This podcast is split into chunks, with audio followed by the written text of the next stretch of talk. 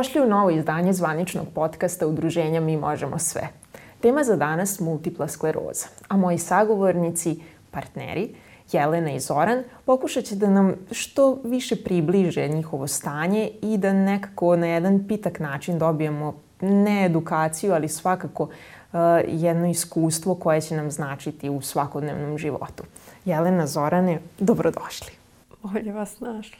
Hvala tebi na pozivu i nama je zadovoljstvo da pomognemo u podizanju svesti da nije kraj života kad se dobije dijagnoza skleroze multiplex, nego je u stvari to početak jednog života novog i novog životnog puta koji nije ništa ni bolji ni gori od bilo kog života bilo kog čoveka.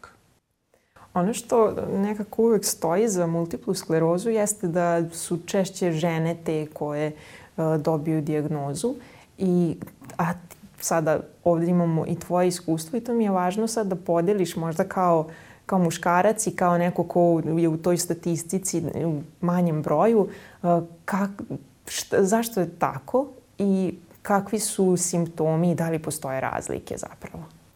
Da, po nekim studijama odnos je jedan pre, prema dva. E sad, e, znači, duplo više žena ima to oboljenje.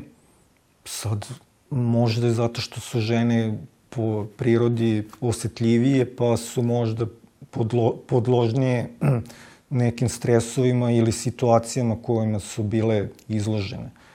A opet, ovaj, iskustvo moje se ne razlikuje mnogo od e, bilo kog ovi, ko ima MS. Prvo je veliki šok za svakoga kad sazna ovi, šta se dešava i onda zavisi od čoveka kako će to da prihvati od njegove porodice, prijatelja, kako će dalje da nastavi da se sa time bori, ali u principu je problem koji može da se nekako reši ili da se posledice umanje. Uglavnom može s tim da se živi. Nebitno je da li je muško ili žensko, simptomi su prilično isti.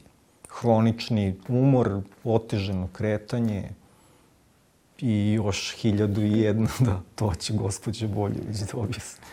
Jelena, ti si u svojim 20. godinama došla do dijagnoze nakon i pregleda i svega što ti se dešavalo.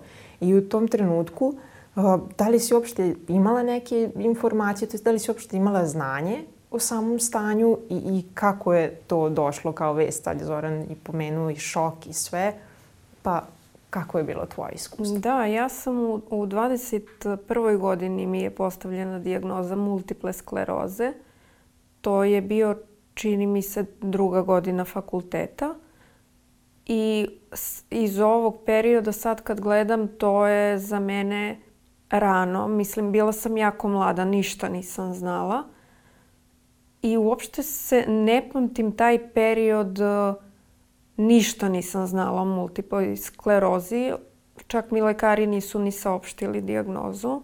Nažalost, nego sam saznala tako što je sasvim slučajno istorija bo bolesti bila na mom krevetu zbog vizite, pa sam gledajući u, u te papire pročitala šta piše i naravno prvo što uradite je tražite na internetu šta je multipla skleroza. I dalje nisam bila svesna šta je multipla skleroza, nisam znala nikog ko boluje od multiple skleroze, nisam imala u porodici nekog ko je bolovao od te bolesti i nisam bila u šoku, ali jednostavno ništa nisam znala. Kad ne znate ništa, onda pro, prosto vam je sve, je, potpuno sve jedno, a onda saznate šta u stvari sve može da se desi. Da možete da ostanete bez vida, da možete da imate problem sa hodom, sa hroničnim umorom, kao što je Zoran rekao, sa tremorom, sa uh, trnjenjem celog tela, može da vam se oduzme jedna strana tela, psihičke probleme. Mislim, stvarno su brojni i interesantno je što ni jedna osoba sa multiplom sklerozom nema iste simptome. Ono što ovako iz razgovora i naših pređašnjih i sve, uvek, uvek saznajemo koliko su različiti i tretmani na koji način ljudi koji žive sa MS-om, kako oni pristupaju svom stanju, da li su, da li su to fizikalne terapije, eksperimentalne terapije i ostalo. I ti si neko baš ko je bio u jednoj takvoj proceduri.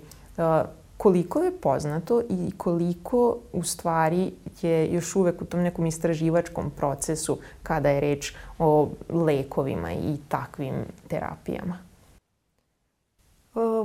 Pa u Srbiji je prvi lek došao tek 2005. godine. I to je bila prva linija terapije, to je bio betaferon, gde se osoba bocka sama na taj način. To je bio lek i to je način kako se lek aplicira. Sada je 2023. godina ima, čini mi se, 15 leka, što je veliki napredak, ali opet uh, uh, ima mnogo, mnogo ljudi koji nisu uopšte informisani, koji ne znaju uh, čemu služe lekovi. To u stvari nisu lekovi. Kad kažemo lek, lek treba da leči. Za multiplu sklerozu još uvek nema leka jer je multipla skleroza neizlečiva. Ovo su terapije koje usporavaju taj proces progresije i stvarno je mnogo neinformisanosti što se, što se tog dela tiče. Mislim da, ljudi i, da ima ljudi koji uopšte ne žele da se uključe u, u, taj, u, u društva, u udruženja, da nešto saznaju. Prosto uh, su kod kuće, tu im je lakše, tu su u nekom balonu i tu su kao e, zaštićeni od nečega, u stvari sa, treba da se ponašaju sasvim suprotno. Da se uključe u društvo, da se uključe u udruženja, e, da pitaju, mislim, nije sramota biti bolestan.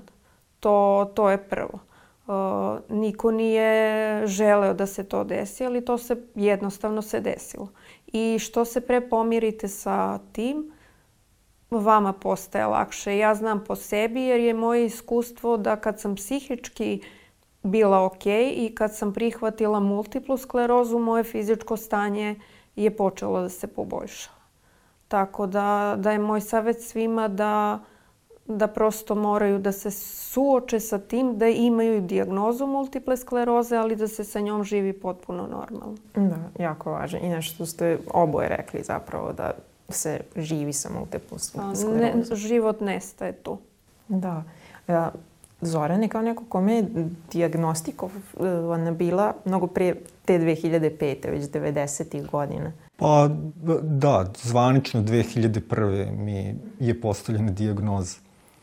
Tako da sam ja na, na početku bolesti bio ovaj, u situaciji da od lekova mogu da primim samo kortikosteroide kad se desio taj prvi udar i još dok smo stigli do toga da je to to, jer sam bio na skijanju i pomislio sam da je neka povreda mehanička kad sam pao i onda dok sa ortopedije na banjici dok sam ja stigao do, ne, do neurologije, ali dobro, opet stiglo je to ovaj, kako treba, tako da ja u, u startu sam bio pomiren sa tim da je to situacija takva kakva je i da može da bude tako, da može da bude gore, jednostavno sam prihvatio to kao kad pada kiša ili pao je sneg, ko, ništa ja tu ne mogu da uradim, nego treba da pogledam sad problem taj sa, sa svih strana i da vidim sa koje strane ću ja da mu priđem i da ga,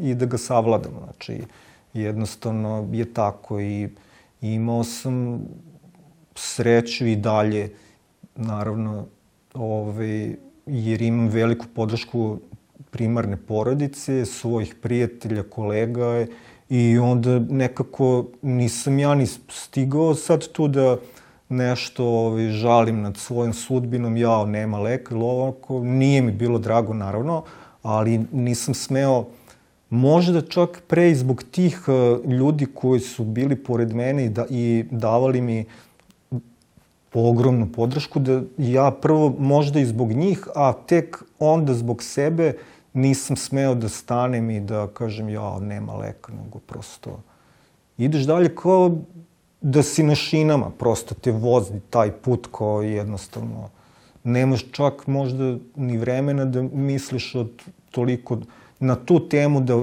čovjek padne u neku depresiju, bar ja nisam ovaj, imao često tih situacija, kao ja, šta ću sad? Kao ne, ti si radio u medijima, a Jelena je, u stvari, ti još uvijek si bila na fakultetu i plan je bio da budeš učiteljica i tako. O, I sada, kako se na tom planu život promenio, kako se ovaj, ta profesionalna orijentacija promenila s obzirom da oboje sada ne radite u svojim strukama? Da, moj najveći san je bio da budem učiteljica i da radim sa decom, a onda sam u jednom trenutku shvatila da se to u stvari nikad neće desiti. E onda sam pošla tom logikom da dobro, nećeš biti učiteljica, hajde da vidimo šta može da se radi. Onda sam se učlanila u udruženje koje mi je stvarno puno pomoglo. Tu su ljudi koji su sa istom dijagnozom, bore se sa istom bolešću i onda kad ste u grupi e, gde svi imate neke slične ili iste probleme, prosto vam je to velika podrška i onda ste dignu vas, ti ljudi vas dignu. E onda sam počela da sve češće i češće e, odlazim u udruženje. Bile su tu neke psihološke radionice gde mi je psiholog stvarno pomogao da se iščupam iz tih nekih situacija, pošto sam ja bila uh, jako uh, loše u prvo u fizičkom, mislim nisam mogla da pređem ni 10 metara. Uh, bila sam jako loše, psihičko stanje mi je bilo haotično, emotivno stanje mi je bilo haotično i onda mi je psiholog stvarno jako pomogao. E, kad sam počela da dolazim u udruženje, onda sam videla šta mogu tu da radim i našla sam da ja, u stvari kao neko ko je obola od multiple skleroze, može da pomaže drugim ljudima koji su oboleli od multiple skleroze i da malo podigne tu svest svih ljudi, ne samo obolelih od multiple skleroze, nego i onih koji nemaju multiplu sklerozu, da nas shvate šta je to, kako to izgleda, kako im pružiti pomoć, na koji način. Tako da sam se ja našla i pre neki dan sam rekla, ali ja zaista volim ovo što radim, a to je da pišem te projekte, da pomažem ljudima u udruženju koliko god mogu. U stvari ne samo ljudima iz mog udruženja. Koliko god mogu da pomognem, ja ću pomoći i ja obožavam to što radim sada. Da, to, iako, iako se znatno razlikuje od da. snova, da. ali i dalje radiš, i dalje si podrška. Ovoga puta je yes. to usmereno na malo drugačiju ciljnu grupu.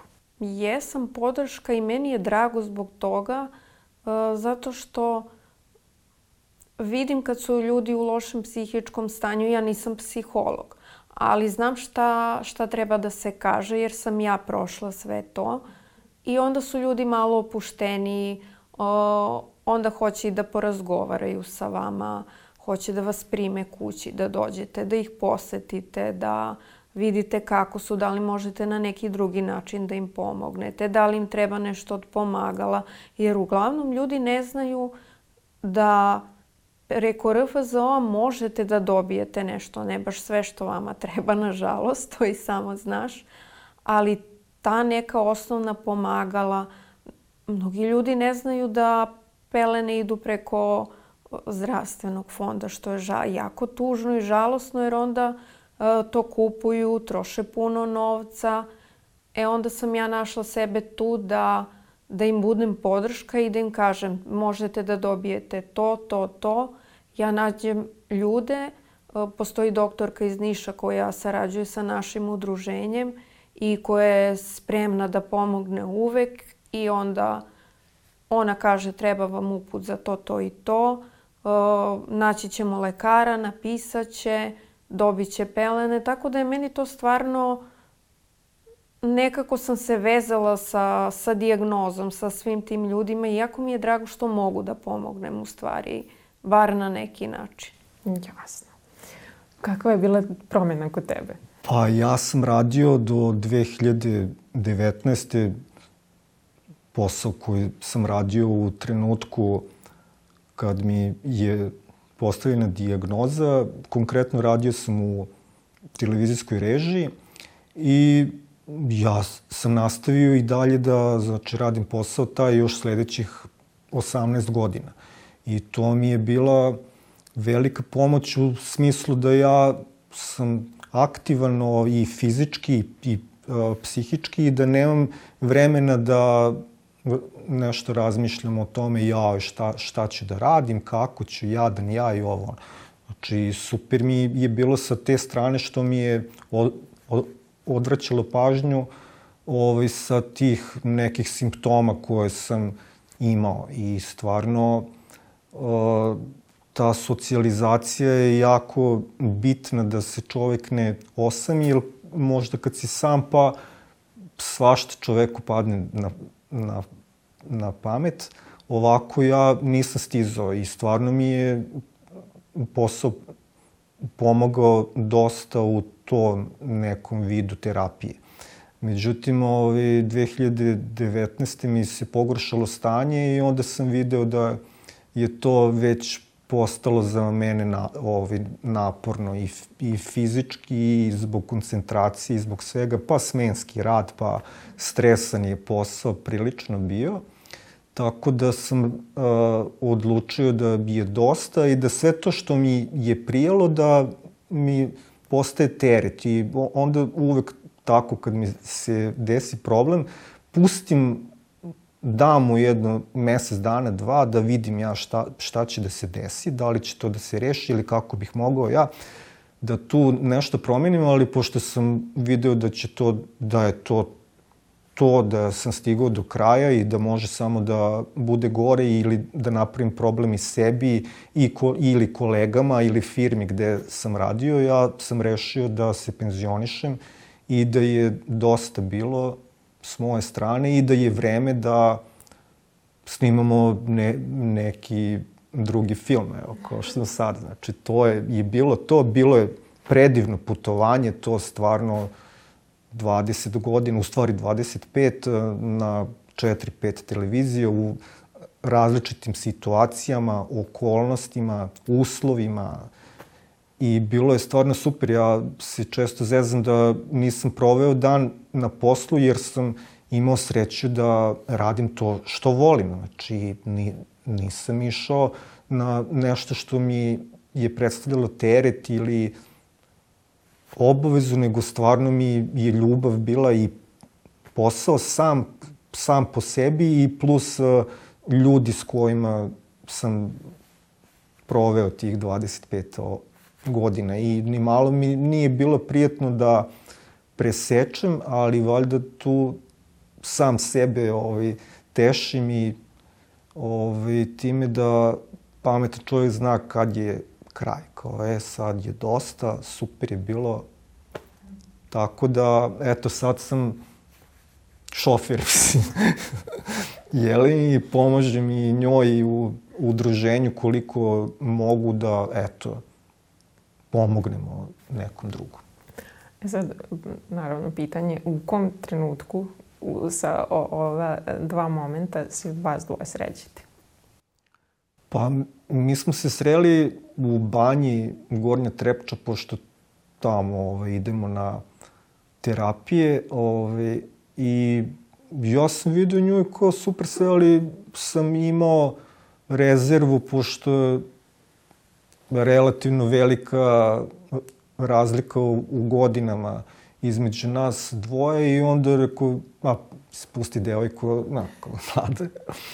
Međutim, ne možeš ti sad da se boriš ovaj sa srcem ili sa tako nekim stvarima i onda eto, prosto se desilo da smo zajedno i ispalo je super sad hiljadu tu stvari ima i eto, nekako mi prija ovaj, njena do, o, i dobrota i razumemo se, imamo taj deo, na, na žalost, koliko god te veselja ovaj, zbliže, nekako čini mi se možda te neka teška situacija u kojoj se nađeš više zbliže sa ljudima koji su tu tad sa tobom u toj situaciji.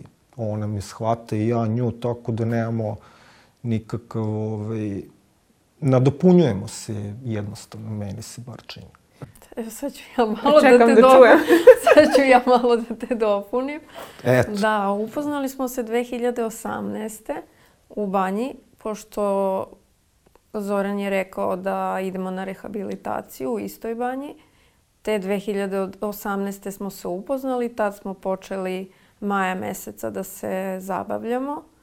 I onda smo se viđali kad ja dođem za Beograd, on dođe za Leskovac. E, onda smo rešili da pričali smo o tome da možda možemo da počnemo i zajednički život. Ali je onda naravno počela korona. Da, da dobro, ali to, to je tamo bilo... nije naišlo, ovaj, znači ja već nisam godinu dana radio i uh, video sam da je vreme da nešto menjam. Opet, znači ta ovaj, filozofija moja životna. Beograd je grad gde sam rođen, proveo ceo život, najlepši deo života, sve je super i mnogo ga volim, ali u tom trenu mi je postao opterećenje. Ja shvatam da grad treba da raste i da se, ra, se razvija i to je sve super.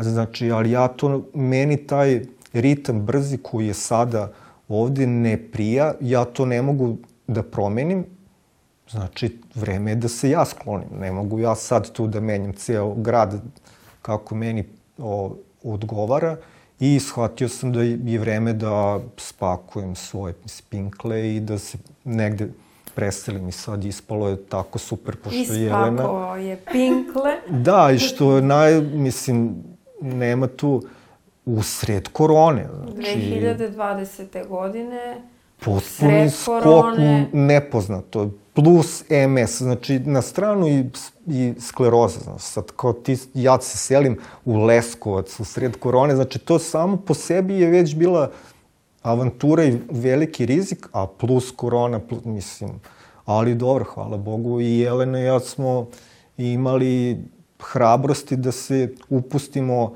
u taj neki potez i da izađemo i, i ona i ja iz neke zone komfora gde su ti roditelji, Jeleni, brat, meni, sestra i njena porodica, kao i super, sve ti kao sediš i ni o čemu ne brineš, ne, nego smo preuzeli rizik i ajde da uh, vidimo šta će da se desi. I verovatno nam je to dalo još ve, i veći podsticaj kad nešto kao sam radiš, ovaj, mnogo zanimljivije nego kad ti neko drugi.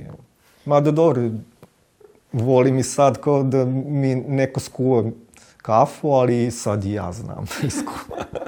sad to radi sam. Jelena, izvolite dopuniti. da, 2020... I pranje sudova, ali da. 2020. znači korona je bila u najvećem jeku i mi smo rešili da, pa da možda na, u tom trenutku smo pričali o tome da može da se napravi uh, veritba, koga ćemo sve da zovemo, da to bude uži krug ljudi. I onda smo razgovarali sa našim najbližima. Naravno, moj brat je pitao, a jel se vi sećate da je korona? Ko će da dođe na tu veritbu? A potpuno. Znači. Baš smo bili... Ko da korona. Potpuno smo zaboravili na to. I onda smo se, ja sam bila na pregledu nekom, svratila kod Zorana i u stvari tad me i verio. I onda smo uh, zajedno otišli za Lesko i juna meseca 2020. godine počeli smo da živimo zajedno. I tako je počela u stvari cela, cela naša priča, da živimo samostalno, da sve poslove obavljamo sami, da idemo u prodavni, do sad je sve to radio neko drugi za nas. U stvari mi to nismo želeli, ali uh, prosto roditelji kad vide da ste joj nemoj ti, to ću ja, ti to ne možeš, mislim mi sad sve radimo sami, I š, ja prostrem veš i pusti se mašina, idemo u prodavnicu, mislim to su sve neke stvari koje radimo sami. E, a onda smo odlučili da se 2022. godine venčamo. Tako da smo se 19. septembra 2022. godine venčali. I to je tako jedna moja bajka koju ja živim. Meni je to sjajno i sjajno mi je koliko, e, koliko nekih tako malih detalja sam tu mogla da zapazim samo ono, ajde što se poznajemo, ali svakako prateći i koliko u stvari ne, mi možda neke stvari podrazumevamo. Posebno jer, eto, znam i znam da živite samostalno i sve ostalo da radite, ali nikad se ne bih setila tako nešto da ispričam, jer kao, pa da, naravno da je to, to tako. To se podrazumeva, da, da, da, da. da. Ali sada kad ti ovo lepo da i pomeneš i roditelje i u kojoj ste bili situaciji, tek sad shvatim koliko je važno da, da, da i ovu, ovu stranu priče čujemo, a ne samo da ono kao znam i da mi je to naravno da je tako. U ovom trenutku govorili smo o terapijama i pomenuli smo i tretmane i ostalo. Ti si nas upoznala sa odelom Moli, koje oboje ste probali, testirali i predstavlja nešto što može takođe da vam pomogne i kod stanja vašeg i naravno da uspori bolest, odnosno sve ono što ona nosi. Pa ja bih ponovo volila da čujem o tome, jer stvarno smatram da, da i dalje nismo dovoljno informisani kada je reč o ovim tehnologijama, a opet možda, možda nekom stvarno poput vas promeni život. Da, Moli je uh, no, nova tehnologija. Uh, neki kažu, jaj, pa kakva su to sad, stiglo je neko belo delo i sad će to kao da nas ozdravi. Ne, neće da vam pomogne da ozdravite, ali će vam pomoći da lakše radite neke stvari. E, naime, ja sam 2022. godine na Instagramu uh, videla devojku koja ima cerebralnu paralizu i koja nosi neko odelo i koja bukvalno leti dok nosi to odelo. I onda mi je samo kroz glavu prošlo dobro, ovo je sjajna stvar, ali dok to dođe kod nas, pa proći će godine i godine. A onda sam posle par nedelja videla da je stiglo u Bosni i da e, ljudi već mogu da ga probaju, a onda sam ja počela da istražujem gde, ko proizvodi delo, e, gde može da se nabavi, da li ide preko fonda ili se samo kupuje. I onda sam našla da to u stvari proizvodi firma koja postoji u, i u Srbiji, to je nemačka firma uh, koji se u stvari bave i proizvode ortopedska pomagala. I onda sam ih ja kontaktirala, normalno, pošto sam probala sve, u životu probam uvek sve što, što mogu da probam, da kasnije ne bi bilo jaj, zašto nisam. Uh, Radi se o Otoboku. Otobok, da, nisam znala da li da kažem, ali da, Otobok je Oto Bok je u pitanju i onda sam ih kontaktirala. I oni su rekli da i u Srbiji je stiglo molio delo, ali da se oni trenutno bave nekom papirologijom, e, da hoće da zvanično srede svu dokumentaciju, da to sve bude e, u stvari da se taj proizvod registruje kako bi mogao da se uveze u Srbiju i kad oni budu sredili sve te papire, ukoliko ja želim, oni mogu da mi se jave. I onda mi se u septembru posle venčanja javio čovek iz Otoboka i pitao me ukoliko ste još uvek zainteresovani, pozivamo vas da probate odelo. Naravno da sam zainteresovana. I onda sam bila oduševljena i presrećna i u novembru 2022. smo išli na prvu probu. Oboje ste? Oboje smo išli na prvu probu. Uh, odelo se nosi 60 minuta, ni minut manje, ni minut uh, duže. Uh, moj prvi komentar je bio ponovo rođena. to je, bio, to je bilo takvo olakšanje da nemate spazam, da vas ne boli ništa, da jer moli u sebi ima 58 elektroda i deluje na 88 mišića u vašem organizmu. To se sve kompjuterski uh, podesi gde vi imate spazam, gde imate bolove. Uh, oni mapiraju sve te tačke i onda vam uključe tu kontrolnu jedinicu koja se nalazi na sredini moli odela i samo tako sedite, a onda sve počne da se dešava u stvari posle nošenja odela. Ja sam uspela da idem uz stepenice, niz stepenice, bez zadržavanja, bez štapa. I to je stvarno jedan osjećaj koji ako ne osetite, pro, ali savršen osjećaj. Savršen osjećaj stvarno i, i ja sam jako srećna to što, što je to stiglo i kod nas i što je to za sada može samo da se kupi, nažalost. Cena je malo veća, i, ali dobro. Potrudit ćemo se na, na neki način da dođemo i do toga.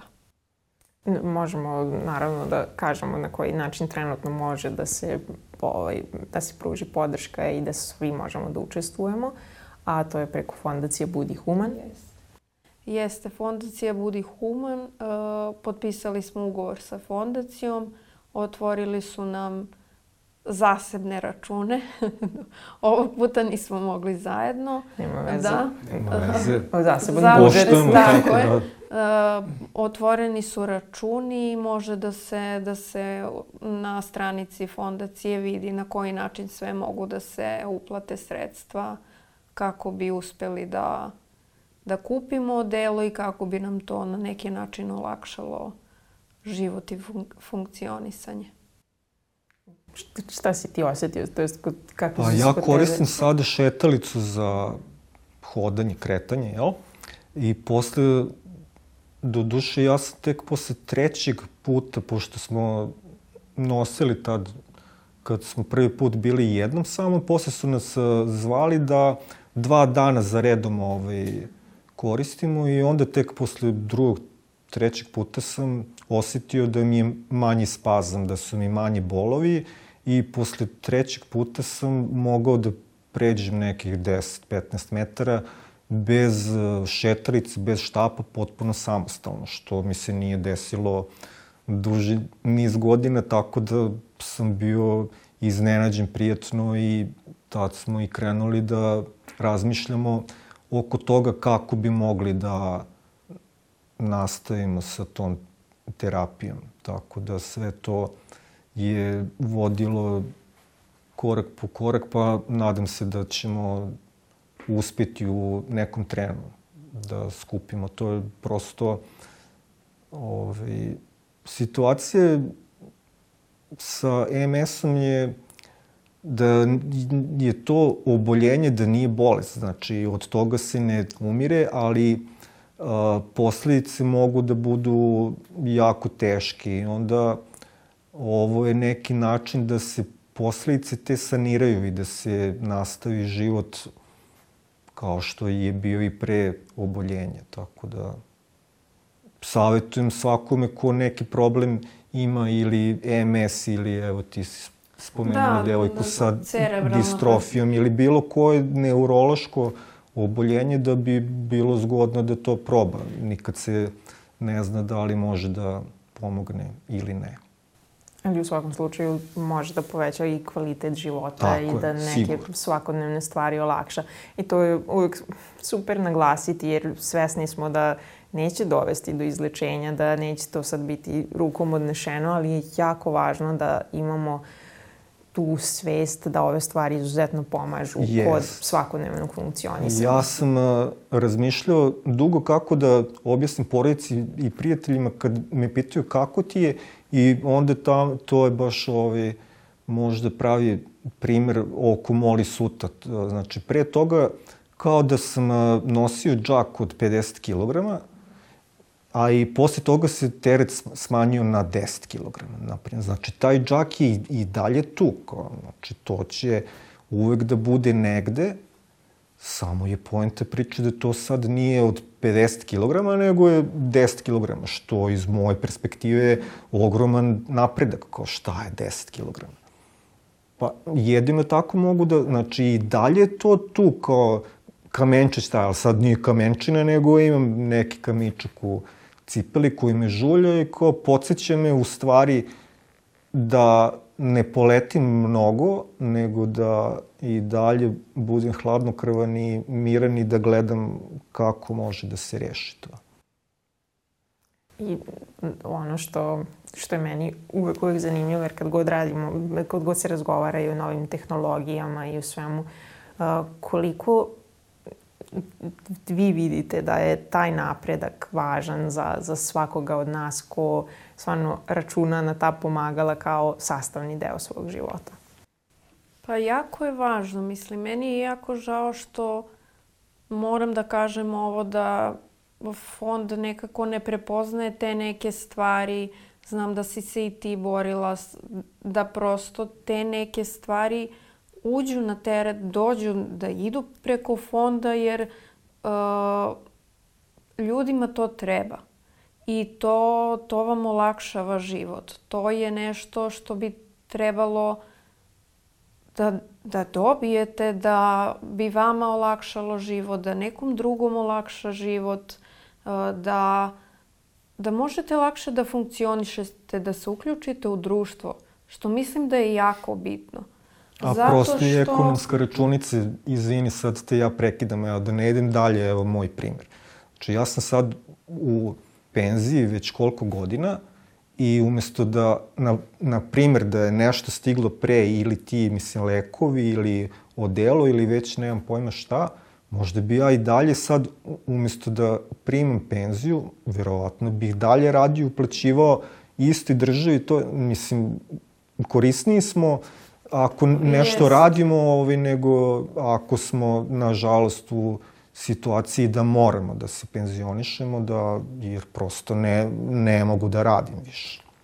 Tako da bi verovatno bilo za sve bolje da se više, ali dobro, to je sad već druga tema i jako komplikovano. Da, ja verujem da država hoće da pomogne, ali kapiram da je to veliki mehanizam i da prosto treba neko vreme da se to ispokrene. Postoji želja, naravno je sad, treba vremena samo. Treba, ali mislim da svakako, da svako od nas ko se suočava sa nekom diagnozom, sa nekim invaliditetom, da mora da se uključi u društvo, da ne može da sedi kući i da čeka da mu neko kucne na vrata da. i da kaže da li ste to vi, da li vama to treba. Znači mora da se uh, da se priključi negde, da, da prosto vidi kako stvari funkcionišu, pa da taj neko pita da li ja mogu nekako da učestvujem, da li ja mogu nekako da pomognem.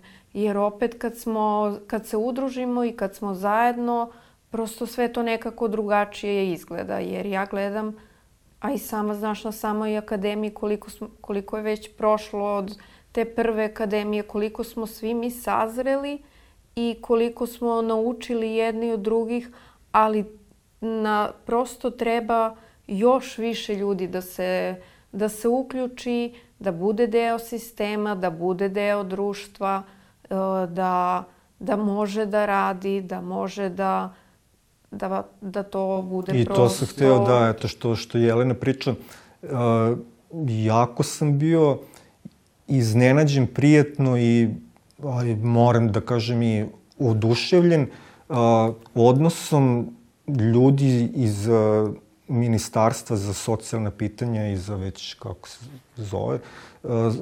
Baš sam video želju ovaj, da ljudi žele da pomognu, ali da nemaju dovoljno povratnih informacija šta nama treba. Kad smo rekli šta treba konkretno, to je sve ispunjeno. Znači, ja sam stvarno zahvalan Da, ra mislim ljudim... da su različiti primeri i da ovi ljudi koji možda još uvek nisu izašli, prosto da. ne postoje uslovi. Iz plakara, što nešto se, nešto se tu dešava zbog čega onog momenta kada mi kažemo da treba i da mora, ja verujem da su i ti ljudi svesni, ali iz nekog razloga koji je samo njima poznat, oni još uvek ne mogu da pređu taj stepenik, tu prepreku, nazovimo to kako god. Tako da mislim da je stvarno važna i ta podrška i uvek ohrabrivanja fali, osnaživanja ljudi i zajednice osoba sa invaliditetom i da je to nešto što mi upravo ovim putem možemo da uradimo.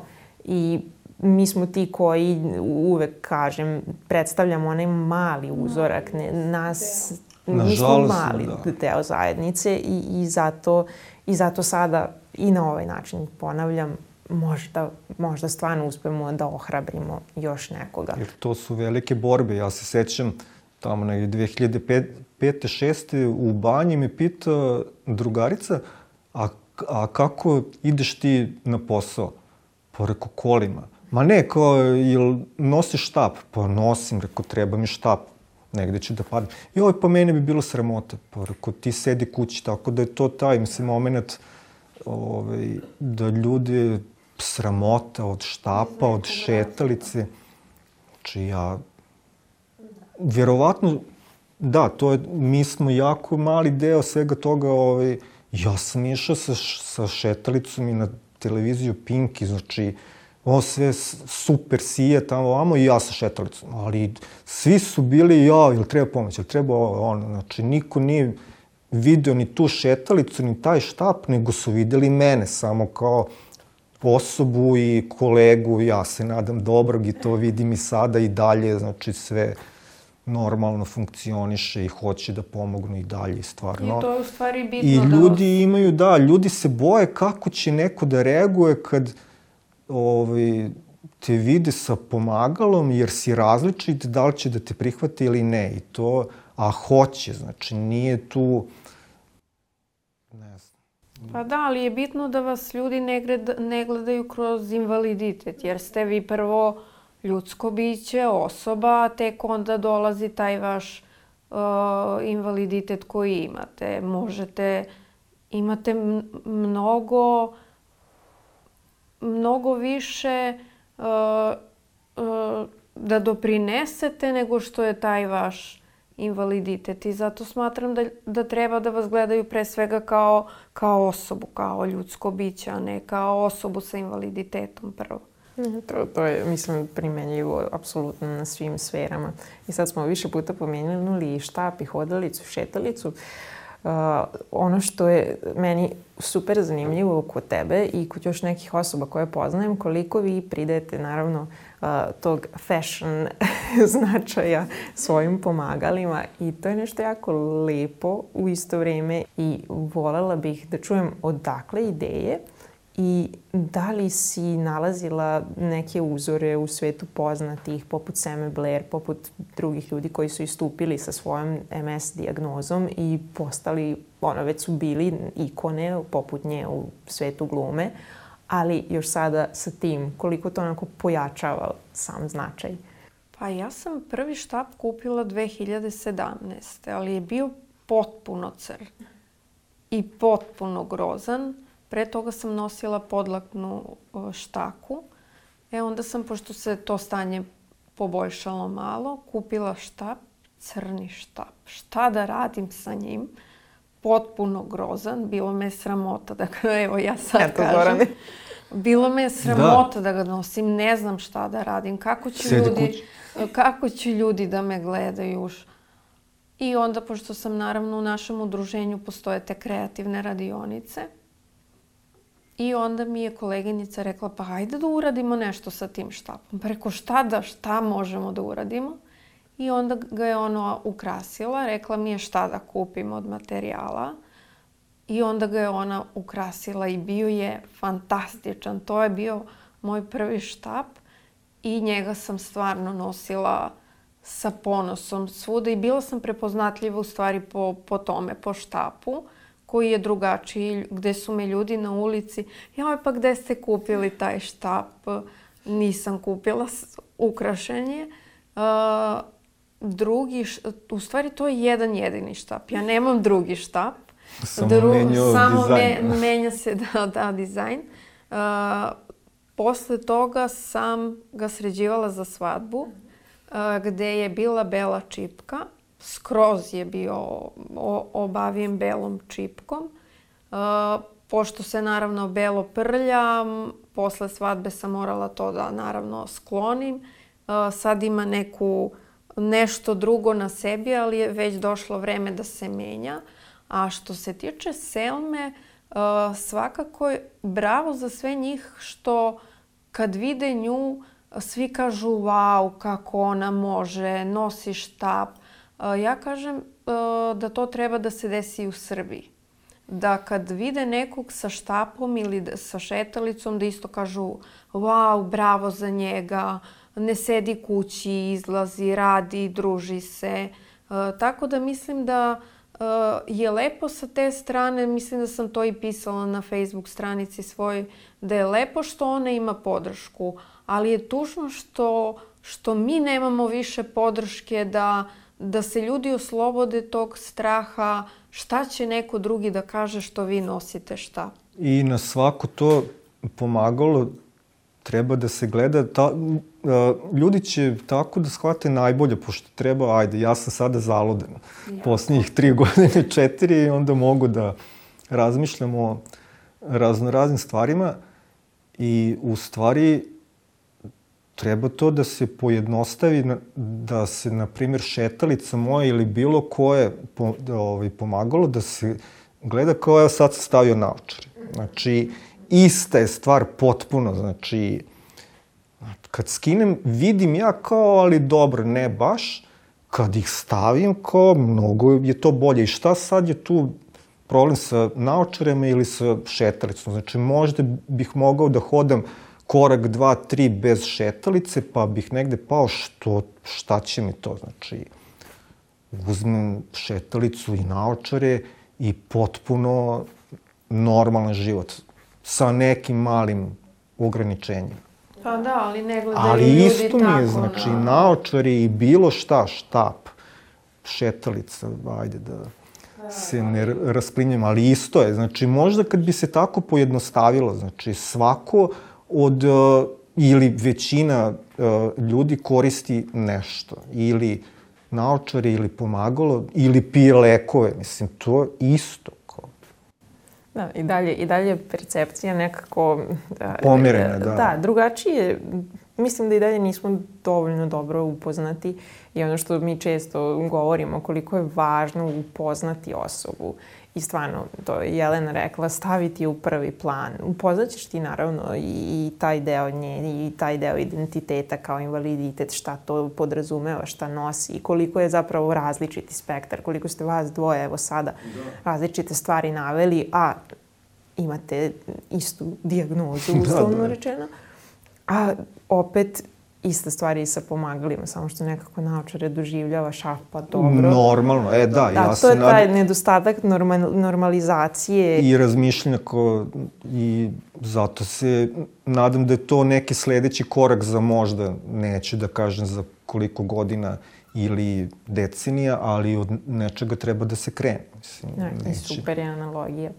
Pored, pored štapa i pored ovaj, ta, uopšte tog nekog popularnog aspekta u, u društvu i poznatih osoba koje mogu da istupe. Ono što tebe možda isto tako izdvaja i karakterišete jeste da si neko ko, ko jako voli i avanturu i nema uopšte straha i prepreke i ne znam, sećam se zime kada smo zajedno išli da se vozimo po Zlatiboru i kvadovima i bagijem i sve i sada ovih dana pokušavaš i dalje da dobiješ svoj skok padobranom. Tako, tako? i jedva čekam. Uh, na vremenski uslovi su ovih dana nikakvi, ne idu mi u prilog, nažalost, ali se nadam da će u skorije vreme biti da vreme bude lepo, sunčano, da ja mogu da skačem svoj prvi tandem skok koji želim još iz srednje škole, ali naravno nisam bila punoletna. Kad sam pitala a, svog oca da li mogu da da skačem, ne želim ni da kažem šta mi je rekao. Tako da sam sad punoletna i da stvarno jedva čekam da, da ne znam da li neko me sigurno pitao da šta će ti to? Pa eto, prosto volim te neke stvari. Čak mi je i naš drug Duraković ostao dužan vožnju kartingom, tako da se nadam da će i to biti, ali ovo mi je stvarno nešto, prosto volim, volim avione, volim kad vidim eto, volim i hoću da probam, što da ne. Naravno. Nadamo se da će vreme da se sredi da, i da će ja taj skok da, da, da se realizuje što pre. I meni je to super. Ovaj, volim kad neko deli takve strasti i volim kada to, se to polako, ono, korak po korak. Možda je bilo da. daleko tada. da, da, jako daleko. Ali da. evo, tu sad, je, sad je sve bliže nekako, samo da se to prosto vreme uh, sredi i onda, onda neće biti nikakvih problema, pošto sam morala naravno da se informišem, pošto sam osoba sa invaliditetom, da li postoji možda neka zabrana ili ne postoji nikakva zabrana, može naravno normalno da se tandem skok uradi. Ne, neka priprema postoji pre skoka, ali to što koristim štap nije nikakav problem. Rekli su mi ljudi da su čak skakali i ljudi u invalidskim kolicima, tako da nema prepreka, samo čekamo lepo vreme. Ali bez kolica. Da.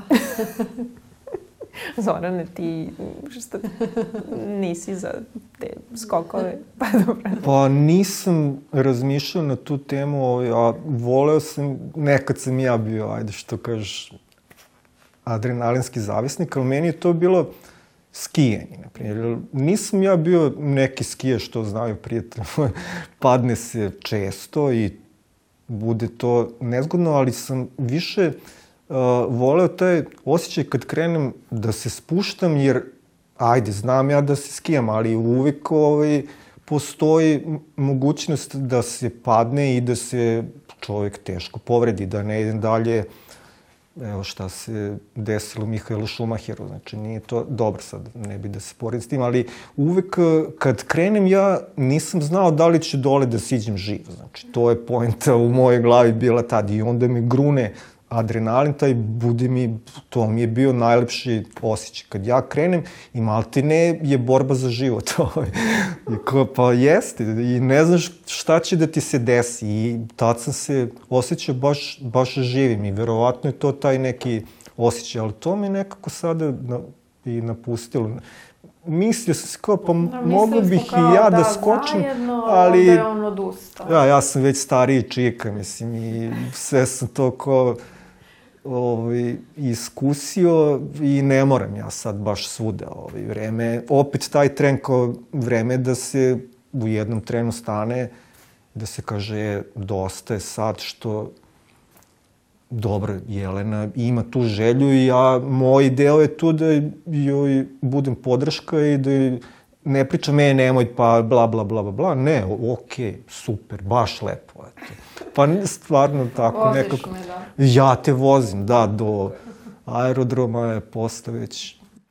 Ipak si ti na početku rekao da si se iz Beograda, koji ti je bio tada prenaporan, preselio u Leskovac, da malo bude mirnija sredina i ostalo, tako da potpuno uvažavamo i ovu odluku da se sad ne skače. Pa jeste, da.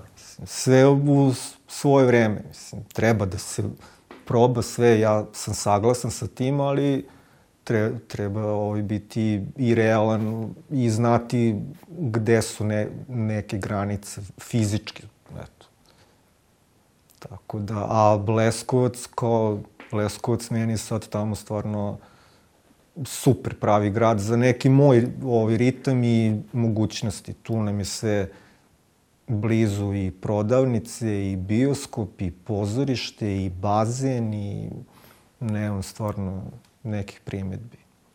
Možda je neka sličnost malo i tamo sada problem sa parkiranjem, ali dobro, to nije toliko ne, nešto strašno što ne može da se reši, ali više mi prija sada taj neki mirniji život, eto da kažem. Ja na svoje vrijeme razmišljao o tome kada će je zvati da skače. pa da, dobro. Čekao sam prošle nedelje, ali se to nije desilo. Ovaj, ono što je sada vaš zadatak uh, jeste da kažete neku poruku ili ključnu reč ili nešto za sve one koji nas prate kako bismo ovo društvo zajedno činili boljim mestom za sve. Pa dobro, ajde, onda ja ću prvi. O, ja jako volim naučnu fantastiku, a jedan od omiljenih romana mi je Dina, Fre, Franka Herberta. I oni imaju tamo a, litaniju protiv straha. Ja to često koristim i verovatno je to ovaj, veliki faktor kod većine ljudi strah. On ih parališe i spreči da nešto urade što su želeli, ali iz nekog straha ne mogu i znači poruka moja bi bila samo da ne bojte se života. Znači strah dođe i prođe i tamo kaže Frank da je to strah je mala smrt i ako ćeš da se bojiš tako ceo život umirećeš svaki dan po deset puta. Znači, umire se jednom samo. Normalno je da se bojimo, ali treba u tom trenu da se smirimo i da pustimo da prosto taj strah prođe kroz nas, ostane tu neko vreme, ali će proći. I kad prođe, ostajemo samo mi, znači ništa nam se neće desiti. A, znači, to je mala smrt koja je potpuno nepotrebna i sputava nas u mnogim stvarima. Tako da, moja poruka bi bila svakom ko neki problem ima da li fizički ili životni ili bilo kakav, znači to će proći, nemojte da se bojite. Samo napred, hrabro i nema ničega što ne može da se reši. Ja ću samo da kažem uh, ljudima da žive život uh, bez straha, uh, bez odustajanja, jer koliko god da, da ima problema i da ima i nesuglasica u životu i da vam se nešto loše desi i da, da mislite da nema nade, postoji ta, makar ona bila mala, postoji i, i definitivno ne treba niko da odustane od života, već treba da ga živi. Hvala vam oboma. Bili ste sjajni. Bilo mi je jako zabavno da, da slušam ovaj, ovo vaše dopunjavanje što je Jelena kaže. I mislim da zapravo to jako dobro radite i da ste jedno drugome stvarno ovaj, dobra podrška i potpora i, i da to tako treba da bude. E, na samom kraju ostaje mi da vam podelim poklone. Nešto što ćete vi da ponesete sa ovog druženja i ovog razgovora. E, naši cegeri. E, super. Hvala. Izvolite. Hvala Milice, hvala, Milice, hvala. I studio vam je divan ili kako god se kaže ovo. A, hvala. Da. Hvala. Ču, o, oni koji treba da čuju, čuju. Ovaj, ne mogu u stvari ne mogu ni ja sada da sažmem sve ovo, zato što nešto sam znala, nešto sam ja po prvi put čula, ali mislim da smo uspeli da prenesemo neke super informacije, ne samo za one koji žive sa MS-om, nego i za svakog u stvari ko možda ima pote, neke poteškoće ili poznaje nekoga ko bi mi ovo, kome bi sve ovo moglo da znači. Hvala vam još jednom. Hvala Bili ste sjajni gosti. Hvala vam što ste se odazvali pozivu Hvala. i uživajte. Hvala, Hvala. vidimo se. Projekat Mi možemo sve, informativno-edukativni podcast osoba sa invaliditetom, finansijski je podržalo Ministarstvo za rad, zapošljavanje, boračka i socijalna pitanja, sektor za zaštitu osoba sa invaliditetom.